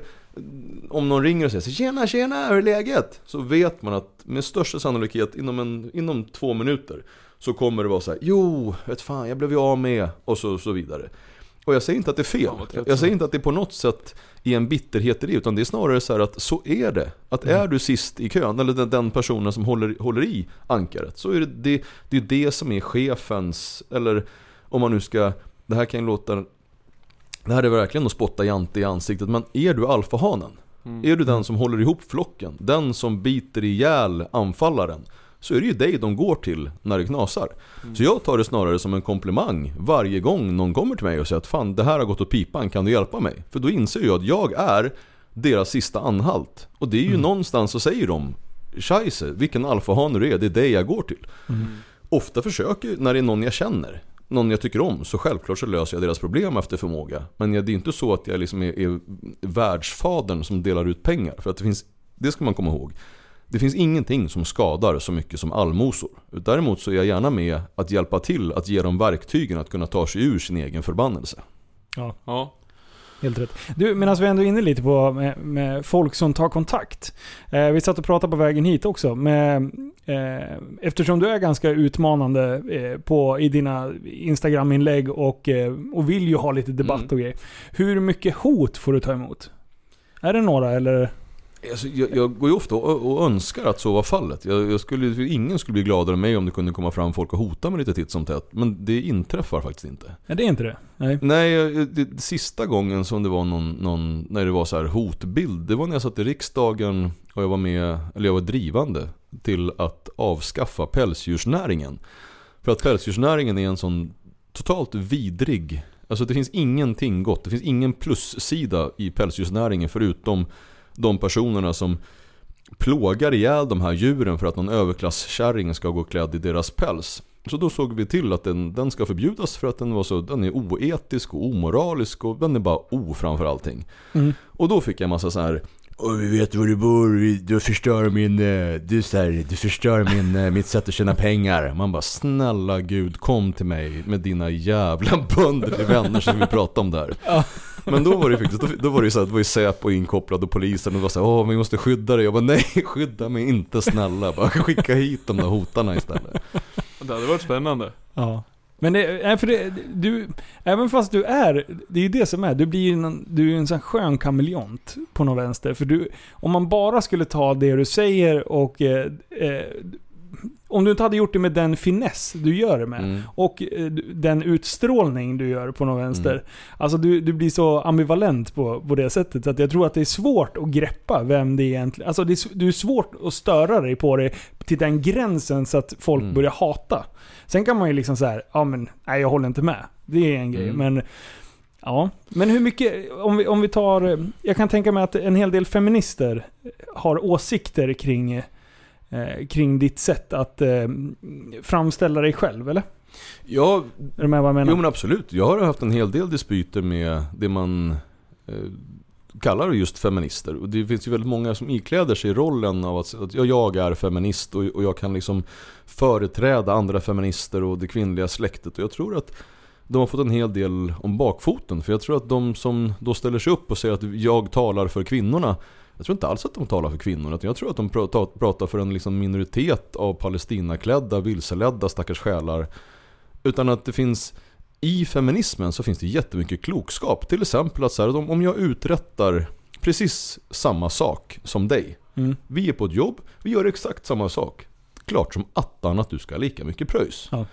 Men du kan inte, som den moderna sortens så kallade feminister säga, att det finns en orättvisa i till exempel lönesystemet som gör att kvinnor får mindre betalt. När det inte är så. För tittar man till exempel, vad, hur kommer det sig att, att en arbetare, en kar eh, så här statistiskt tittar man så här, ja, men där, de tjänar mera pengar. Ja, men det är ju för att han, han, den där byggaren, han är uppe på jättehögt på en byggställning. Eh, när han ramlar ner, ner så dör han. Jag älskar att du är sjuksköterska eller barnsköterska eller jobbar på en förskola. Men du kommer inte att dö. Du fryser inte sönder händerna på jobbet. Därför tjänar den där karln mer pengar. Och om du vill, om du vill bli ställningsarbetare så kan du bli det. Och då ska du ha exakt lika mycket pröjs. Mm, ja Och, och, så, så att löneskillnaderna, det som man pekar på, är ju oftast liksom så marginella om man bara ser till att det, att det är jämförbara yrken. Sen så finns det en massa andra saker i samhället som är vidrigt på ett sätt, men det, det är ju snarare så här, där är ju problemet inte att kararna är för lite som tjejer, utan det, problemet är att kararna inte är karar. Hade karar varit karar så hade ju kararna sett till så att de här vidriga våldtäktsmongorna blir sönderslagna och ins- instopp... Tog jag i nu? Nej, Nej, nej. det gjorde jag faktiskt inte. Utan först hade de blivit sönderslagna, sen hade de suttit på kåken. Hade karar varit karar, det finns ju ingenting som är mindre karigt än att vara en människa som förtrycker en kvinna. En människa, en man som ger sig på någon som är svagare. Så han har ju förbrukat sin rätt att kalla sig man. Och det, det är snarare där, ska samhället förändras så ska det ju vara till mer manlighet. Det är ju där, det, det, det klassiska så här, vad gör en man? Jo, manligheten, om man ska definiera vad som gör en man, så är det att man slutar sätta sig själv i första rummet. En man, han inser att först så kommer barnen. Sen så kommer kvinnan. Sen så kommer försörjningsansvaret. Och för det gnäller man inte. Man sitter inte hemma i, i något så här flottigt linne och kollar på idrott och dricker folköl och skriker, skriker om att samhället är dåligt. Utan man gör saker och ting åt det. Man ser till att försörja sin familj, man ser till att ens kvinna har det bra och att barnen har det bra. Och man gnäller inte. Det är en riktig kar. Om man vänder på det då, då, säger man så här typisk kvinnlighet. Där kan du ju ta de tre grejerna som du tar. Det är ju samma sak. Alltså egentligen, om du bara spegelvänder på det så är det ju att vara, att, att vara kvinna är ju att se till att sina barn har det bra. Att man ger förutsättningar för att ens man ska må bra. Och sen bryr sig om det som är viktigt i livet. För att, alltså, så det, egentligen är det exakt samma sak. Ja fast det finns en skillnad. Och det, Okej. det är den rent fysiologiska eh, skyddsmekanismen i att det är du som skyddar och står bakom. Och du, du, du är sista anhalten i din familj. Det är du som... Tänker man du, nu tänker du mer fysiskt då? Eller rent, mer... Både rent fysiskt, att Ja. man, att man ehm, eh, när det händer någonting så är det du som springer fram och ställer i vägen och tar skottet, tar kniven, tar vad det nu må hända vara för någonting. Mm. Och det kan ju låta jättemacho, men det är inte det är för att det är macho och för att det är positivt att vara macho. Ja. Det är en bra sak att vara macho. Sen så såklart att man liksom i hemmet ser till att fördela det ekonomiska ansvaret så mycket som möjligt. Men det är faktiskt så att vi föder inte barn. Utan det, det kommer, hur ni än försöker så kommer kvinnan fortsätta föda barn och hon kommer behöva vara hemma från jobbet. Det stora ekonomiska ansvaret kommer alltid ligga på mannen.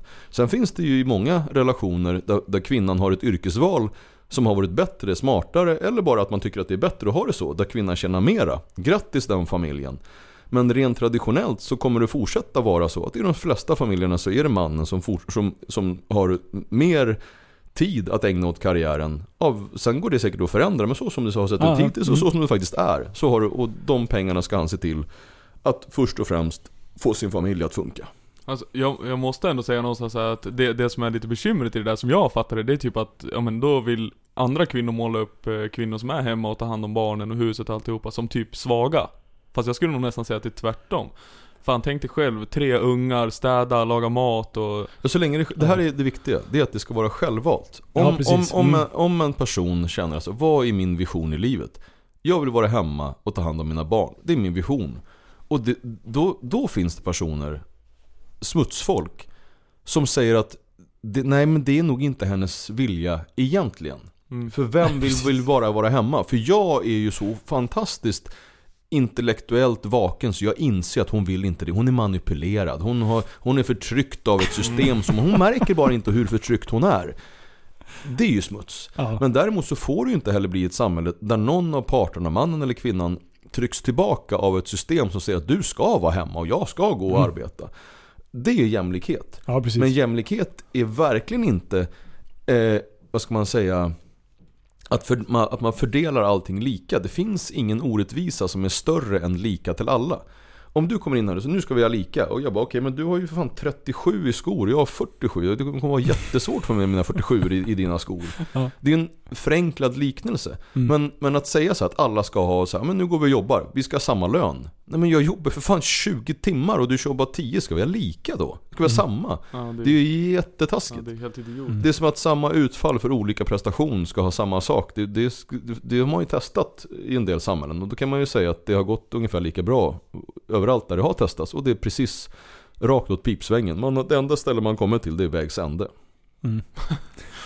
Du, du har ju eh, varit i riksdagen. Ja, Och det har ju precis nystats upp att det har blivit vapen stulna där. ja. Hur i helvete har det gått till? För det var även så här, eh, så här i efterhand, de bara ja men det finns ju en kamera där. Så bara, fast kameran spelar inte in. Hur har man lyckats sno en Glock ifrån riksdagen? Alltså hur är det möjligt? Jag tror faktiskt att det var, var fler. Jag tror att det var väl, var det inte tre vid första tillfället och sen så var det väl, om det var en andra tillfället man, man stal vapen. För mig som inte har koll från början. Mm. Eh, de finns där undanstoppade vid en eventuell hotbild då eller? Ja exakt. Så Det, att, det finns ju privata bolag som har ansvaret att sköta säkerheten på eh, riksdagen och på, på de olika eh, departementen. Och för säkerhets skull så har man inte vapen på sig utan man har dem... Ja, det finns extra som ska, som ska kunna Okej, tas fram vid, vid specifika händelser. Och de Okej. är inlåsta då med, med diverse dörrar och sen så är det säkerhetsskåp och så vidare. Och så finns det kameror. Och då visar det sig att enda gången eh, de här kamerorna kan göra, göra någonting Det är om någon sitter och tokstirrar på den här kameran i det här tomma rummet För att vänta på att det kommer eventuellt in någon och tar ett vapen eh, Nu var det ingen som tittade på, på den här monitorn precis när någon var inne och tog det här vapnet Men det här är ju inte Faran i det här Det är ju, att se- det är ju att se Vad ska man säga Fördärvet är väl att, att, att ta i Men någonstans vad, vad är vi på väg någonstans? Alltså när, när, när ens, när å ena sidan, så vi är i en, i en samhällssituation när det på riktigt brinner i förorterna. Det är inte så här längre att, så här, att man skojar om det eller att det är så här, man, man, man målar upp en nidbild av att det är dåligt. Utan vi är i en situation där, kommer ni ihåg ETA? Den baskiska frihetsrörelsen. Nej. Ja, det, var, det var terrorister i Spanien som, som ville ha ett fritt eh, Baskien. Och de sprängde bomber. Jättemycket bomber. Eh, det här var väl sent 70-tal när de var som starkast. Mm. Då avrådde eh, svenska utrikesdepartementet att åka till Spanien för att det var farligt. För att där sprängdes bomber överallt. Mm. I dagens Sverige så sprängs det mycket mer bomber än vad det gjorde i Spanien när ETA var som allra, allra starkast. I, I nutidens Sverige så sitter det människor på fullt allvar, alltså på riktigt och säger att det är inte så. Det är inte alls speciellt farligt. Det var, det var värre, mer brott förut. Och alla människor som överhuvudtaget har ögon och öron och en upplevelseförmåga inser att de här, de här är ju galna. Och det här är människor, det är folkvalda politiker, sitter och blåljuger och försöker ljuga in någon form av trygghet som så uppenbart inte finns där. Man har till och med manipulerat BRÅ.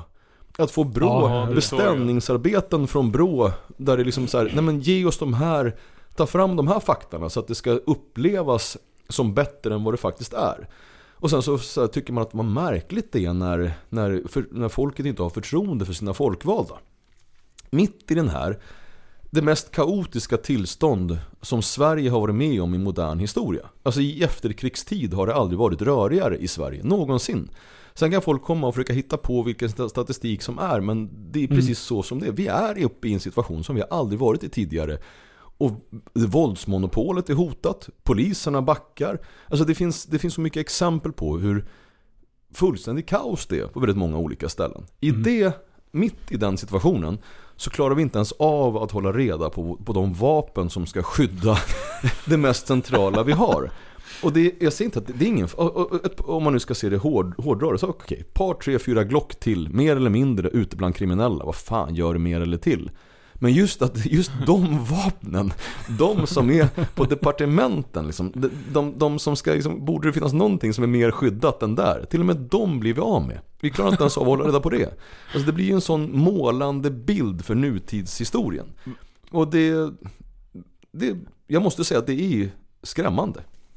Ja, det är ju konstigt att det inte blir en större grej då, för det var ändå så här, ja men visst det var i tidningen och alltihopa, men det är ju inget så här surr om det. För det är ju som du säger ändå, det är ju det mest centrala i Sverige, det är ju riksdagen.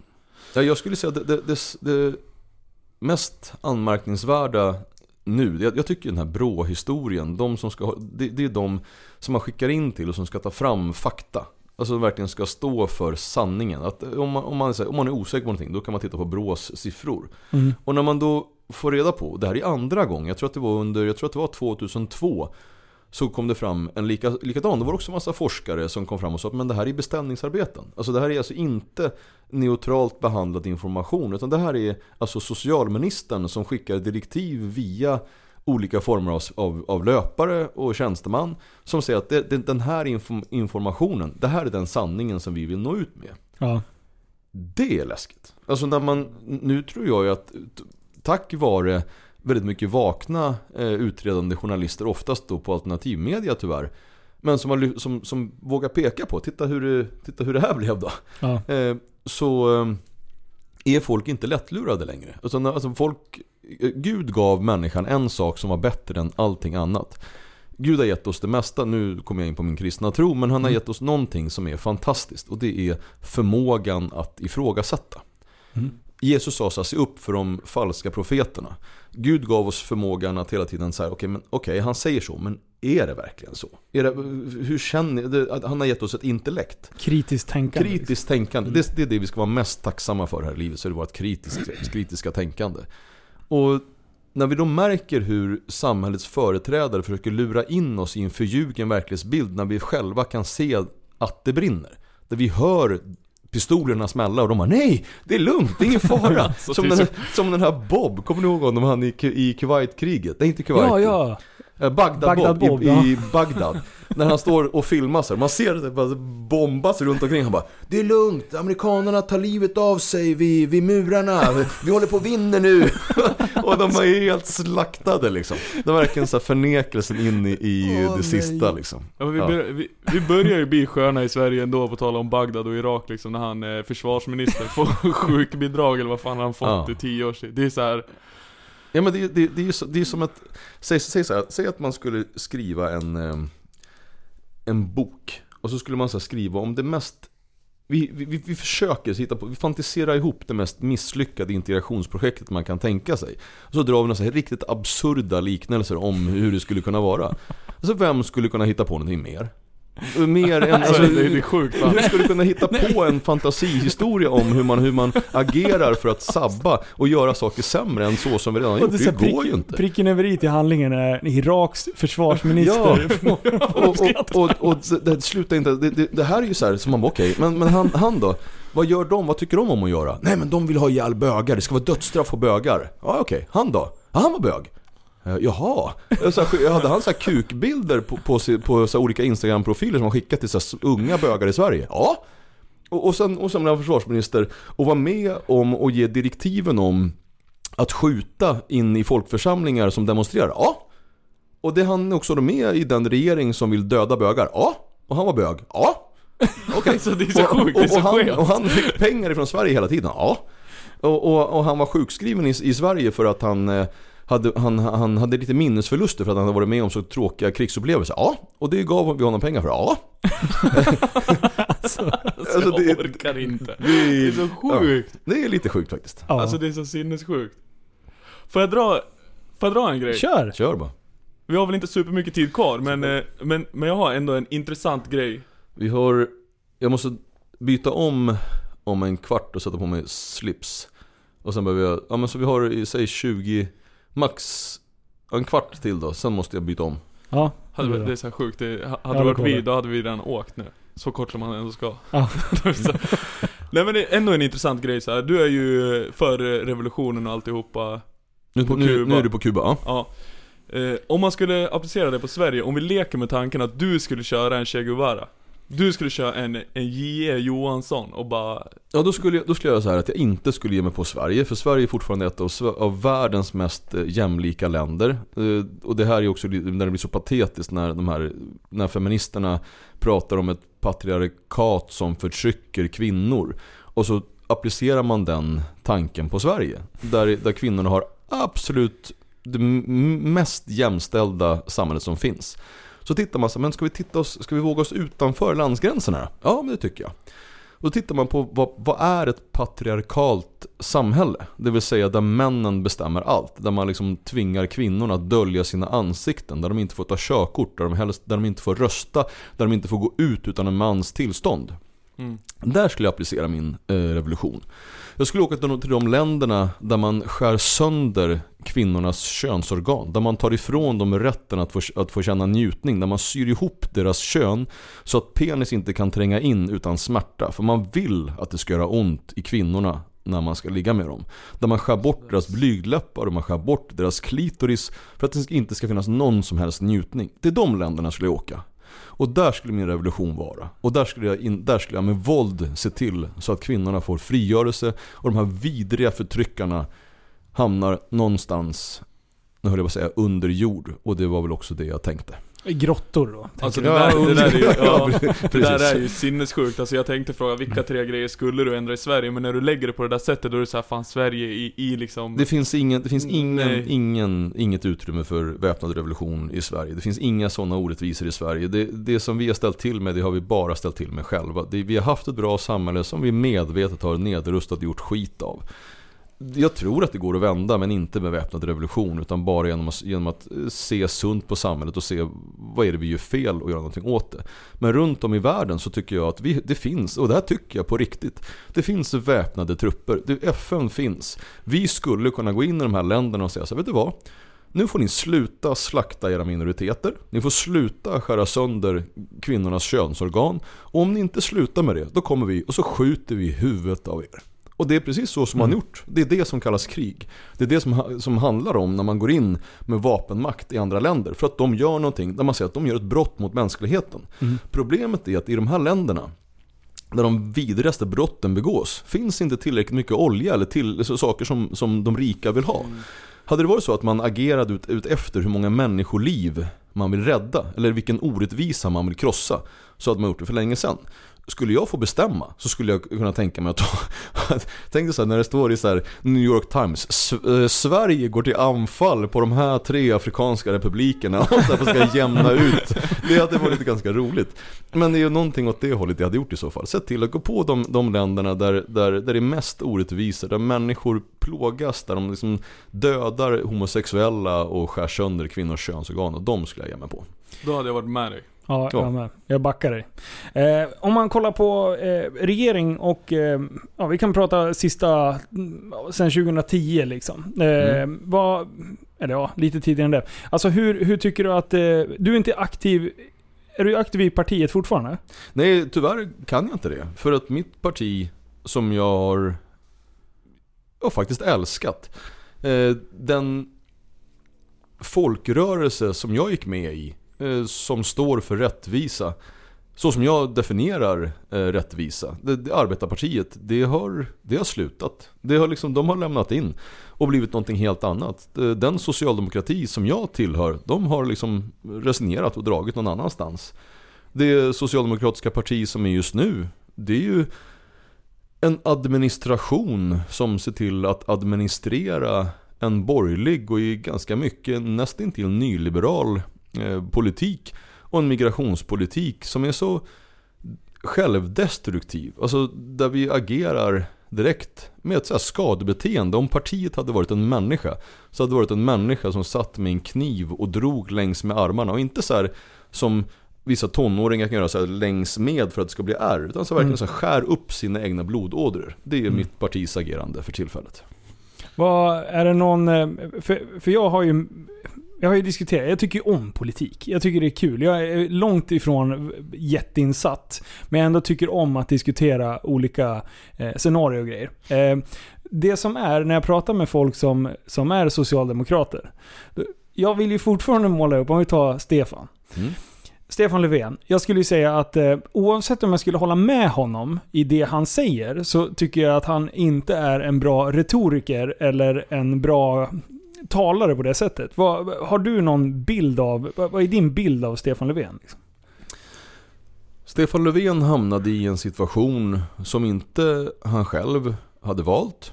Och det är inte hans fel. Utan vi, vi var i en, i en situation när, när Socialdemokraterna hade bättre siffror. Och det vill jag liksom understryka. Mm. Lyssna på ordet. Bättre siffror än vi har nu. Då var det Håkan Juholt som var partiledare. Och då sa alla vi måste byta partiledare för våra siffror är katastrof. Det vill säga på den tiden när vi hade bättre siffror Ja. än nu. Mm. eh, och då så kastade man ut Håkan Juholt. Man hade, han hade, en, man hade typ fotbollslag av så kallade nära medarbetare som bara ägnade sig åt att hugga knivar i hans rygg. Eh, och se till, alltså förstöra för, han, för honom när han var partiledare. Och så kastar vi ut honom och så tänker vi att nu kommer nog allting bli jätte, jättebra. Men vem ska bli partiledare istället då? Just det, det var Och så frågar man en massa folk. olika folk. Så, men kan inte du bli partiledare? Och du kan väl bli partiledare? Och så insåg man att nej, det gick inte alls. Så till, till slut då så, så här, men har vi ingen gammal så facklig i alla fall som kan tänka sig att bli partiledare? Och så frågar man där Stefan. Du Stefan, du har ju varit fackligt framgångsrik. Du har gjort så ganska mycket förhandlingar som har gått bra och det är ingen som tycker illa om dig. Kan inte du bli partiledare? Han bara Ja, jo men det kan väl bli då. Och så blir han partiledare.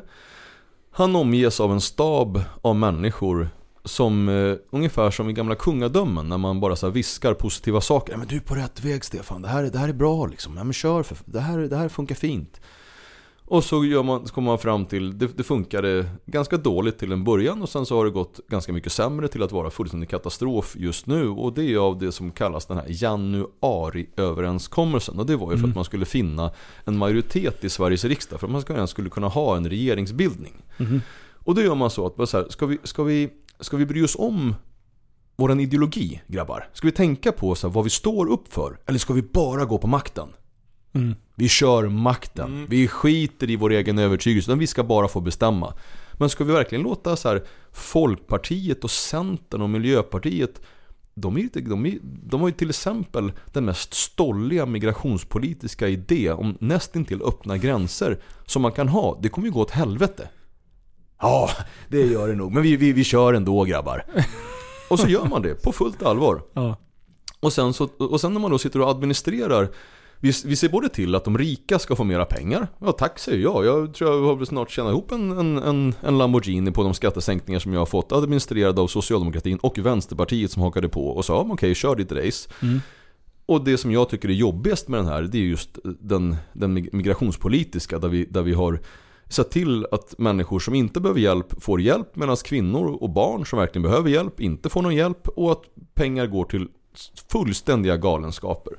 Eh, det har pratat om i många andra poddar hur, hur, hur vi till exempel har lagt ner pengar på boenden för ensamkommande män. Eh, upp, uppemot alltså så här, från mellan 2,5 upp till 10 000 kronor per dygn. Liksom. Men det finns så mycket galenskap så jag orkar inte ens gå in på det. Nej, det- Men det är det, som, det är det som har hänt. Och om du då frågar sig, men tycker du att är Stefan Löfven en bra partiledare? Jag tycker ju att när man bedömer en människa så kan man ju, om jag tittar på dig så här, men du verkar ju trevlig liksom och du säger mycket kloka saker. Eh, Det är en sak. Nu tycker jag, får man vara taskig mot det, ja det får man. Eh, En del, de, de, de, säger ju så, de säger ju så här att, att eh, kunskap är makt. Och då kan man ju undra så här, men hur kommer det sig då att våran statsminister som har så mycket makt verkar vara så helt tom på kunskap? Det är taskigt att säga. För jag tror att Stefan vill väl, men det som han får ur händerna, det som han faktiskt levererar till Sveriges skattebetalande medborgare är riktigt dåligt. Det har blivit sämre och det har blivit otryggare. Och man gör det genom att administrera andra partiers politik.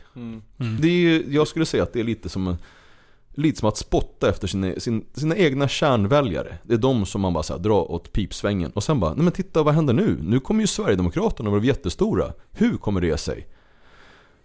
Ja, hur kommer det sig? Alltså, ja, nej jag, jag, jag, jag är inte så jävla insatt i politik men jag kommer ju från ett riktigt jävla arbetarhem där morfar har varit vaktmästare och farfar har varit ambulansförare slash vaktmästare. Ja men du vet. Mm. Ett Riktigt arbetarhem där alla i princip har varit sossar. Men det känns som att gamla, som du säger, det, det här gamla arbetarpartiet, det finns inte kvar. Därför man jobbar inte för liksom eh, oss som inte bor innanför tullarna i Stockholm. För att då liksom håller man på att kohandla med eh, Miljöpartiet och ska skattesubventionera elcyklar här. Men hur är det för oss som inte bor här? Liksom det, det funkar ju inte, man kan inte göra det på samma sätt. Liksom, vi bor fem mil ifrån där Sveriges största brand på jättelänge har varit. Vi kunde ha haft ett par brandflyg om jag inte har misstolkat det här. Om vi inte hade subventionerat elcyklar i Stockholm. Den liksom, det känns, det känns helt hjärndött att man liksom inte fokuserar på resterande av Sverige. Mm. För Stockholm hade inte funkat utan oss. Nej. Nej, det är lite som eh, vita, vita män i, på landsbygden som sitter med sina 240 Men, eh, och sen, eh, vilken skulle du säga är den skickligaste politikern vi har i Sverige just nu? Eh, aktiva. Ja. Ja, det- ja. Eh, Amine Kakabaveh. Oh, det har jag aldrig hört talas om. Amine Det har var, aldrig hört var talas den, eh, den... Hon är vänsterpartist. Ja. Hon eh, klockren. En eh, gammal peshmerga-soldat som på riktigt med, sitt, med liksom risk för sitt eget liv har krigat för frihet för folk. Ah. Hon kommer till Sverige, hon blir riksdagsledamot. Hon tror att om man gör rätt så, så då borde man också bli populär. Hon är en av de första som verkligen går in och kämpar mot kvinnoförtryck och hedersvåld. Vad gör då Vänsterpartiet? Jonas Sjöstedts Vänsterparti. De kastar Nej. ut henne ur partiet såklart. För att så får man väl inte hålla på och säga. För det, är ju, det var ju rasism. Hon var ju rasist, Amine. Det hör ni väl på namnet att Amine är rasist. Det är. Och det är så sinnessjukt. orkar Och det, inte. och det, nej men det är ingen som orkar. För orkar man sätta sig in i det här. Då förstår man ju att galenskapen har liksom tagit nya steg i evolutionen. Alltså Jonas Sjöstedt, han är bindgalen. Någon borde liksom ha rep runt hans kropp. Han borde ligga i en sån här bänk inne på psyket. För att den, den, en- och det roliga var att hon var ju också den mest populära av deras egna, egna eh, politiker som de kastar ut. Den enda liksom, när de verkligen har fått, där är Vänsterpartiet i nutid. Den enda så här, när de, när de hamnar mycket i media, det är så här, vad gjorde ni? Nej, vi hade en bra riksdagsledamot. Vi kastade ut henne. Vi kallar henne för rasist. Ja, men hon gjorde ju fantastiska saker. Hon försökte stoppa hedersvåld. Nej, vi tycker nog att det är lite rasistiskt och tycker, och okay, hedersvåld vet du. Då menar man ju att, då, då riktar man sig nästan mot muslimer och att det är de, ja men det, var, det är ju så. Ja, nej, men alltså inte så väl. Ja, och så vidare. Och det var hon Så själv liksom. Amine är ju fortfarande aktiv eh, politiker, men hon får inte vara med i Vänsterpartiet. Och nu är hon partilös. Och det är den nutidspolitiker som jag har, hyser mest eh, respekt för. Men det är sjukt egentligen, alltså det, det är fan sinnessjukt. Det är för jävla liksom politiskt korrekt. Allt vad... Finns det någonting man kan göra som är liksom lite mer handfast istället för att bara... Alltså frågar man en politiker, det är det mest störande jag vet, när de står i här partiledardebatter. Om man frågar så här, ja vad tycker du? Och man Mm. får aldrig liksom ett så här. Vi tycker så här, det här är det vi vill göra. Sen är det inte säkert att vi kan lova det för att vi behöver stöd från andra politiker. Men det är Mm. alltid lova hit och lova dit och, och det är guld och gröna skogar. Sen när det väl kommer till kritan så blir det ingenting av det och alla bara pratar runt frågor. Och, och nu skulle man kunna säga så här, men du är ju bara en bitter vit man från, från landsbygden som bara säger att, inga, att politiker lovar och inte levererar.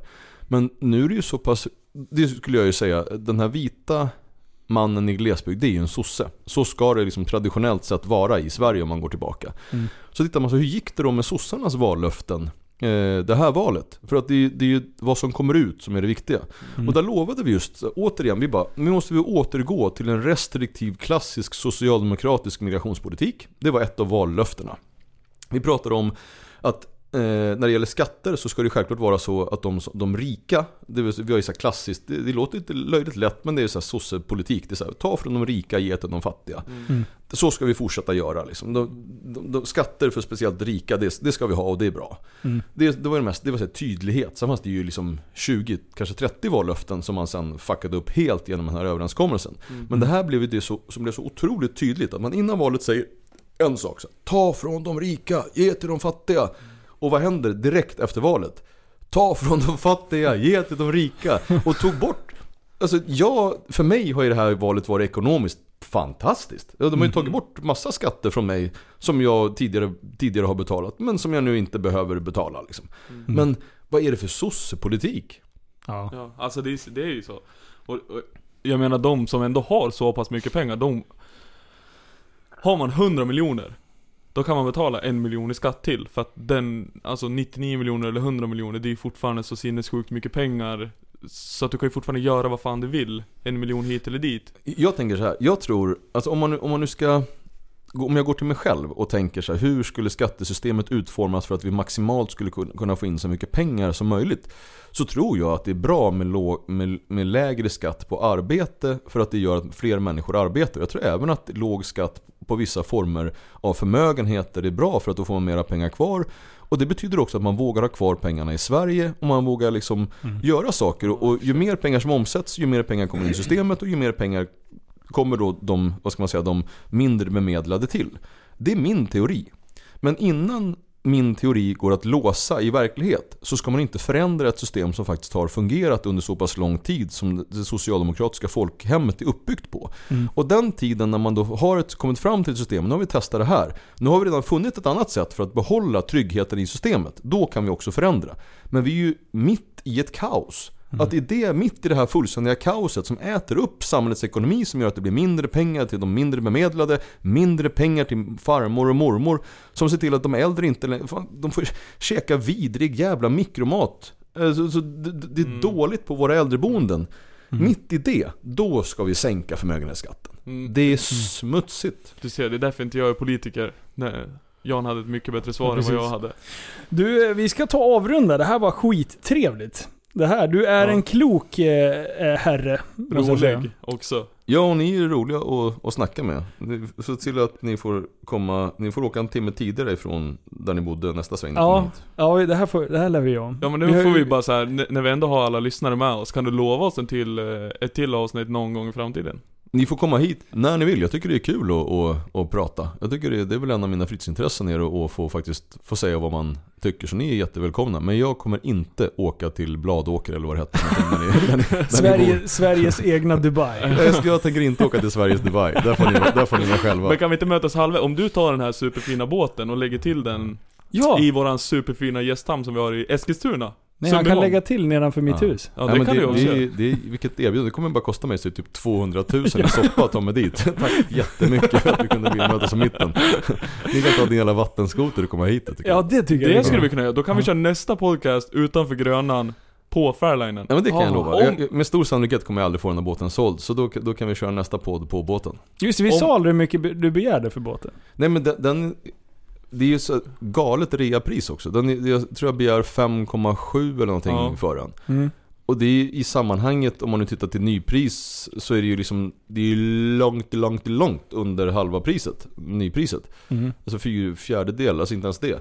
Mm. Så den borde, ju, den borde ju springa iväg, men det är ingen som vill ha min båt. Men jag tänker, jag tänker så här att jag ska köra den här taktiken som jag hörde någon här i podden hade, att ringa och terrorisera någon, nu när jag ändå har hans nummer. Så jag ska ringa och terrorisera honom. Vad kostar den idag då? Får man, kan man få den för en röding tror du? Jävla sossejollen. Tjena Janne! Tjena Janne, det är Kevin här. Jag tänker kalla det för Janne tills jag får den där båten. Janne, Janne, sosse-Janne, sosse-Janne. Nej, men jag, tror, jag tror vi ska kunna komma fram till någonting. Ja, det är fördelaktigt. Och nu måste jag byta om. Ja. Tack snälla du- för att ni har ja, lyssnat. Tack ha så, det så sjukt bra. mycket. Tack själva. Hej då! Hej då! Tjena, tjena. Du, så, du är en intellektuell människa, en intellektuell person. Du lever åt dig.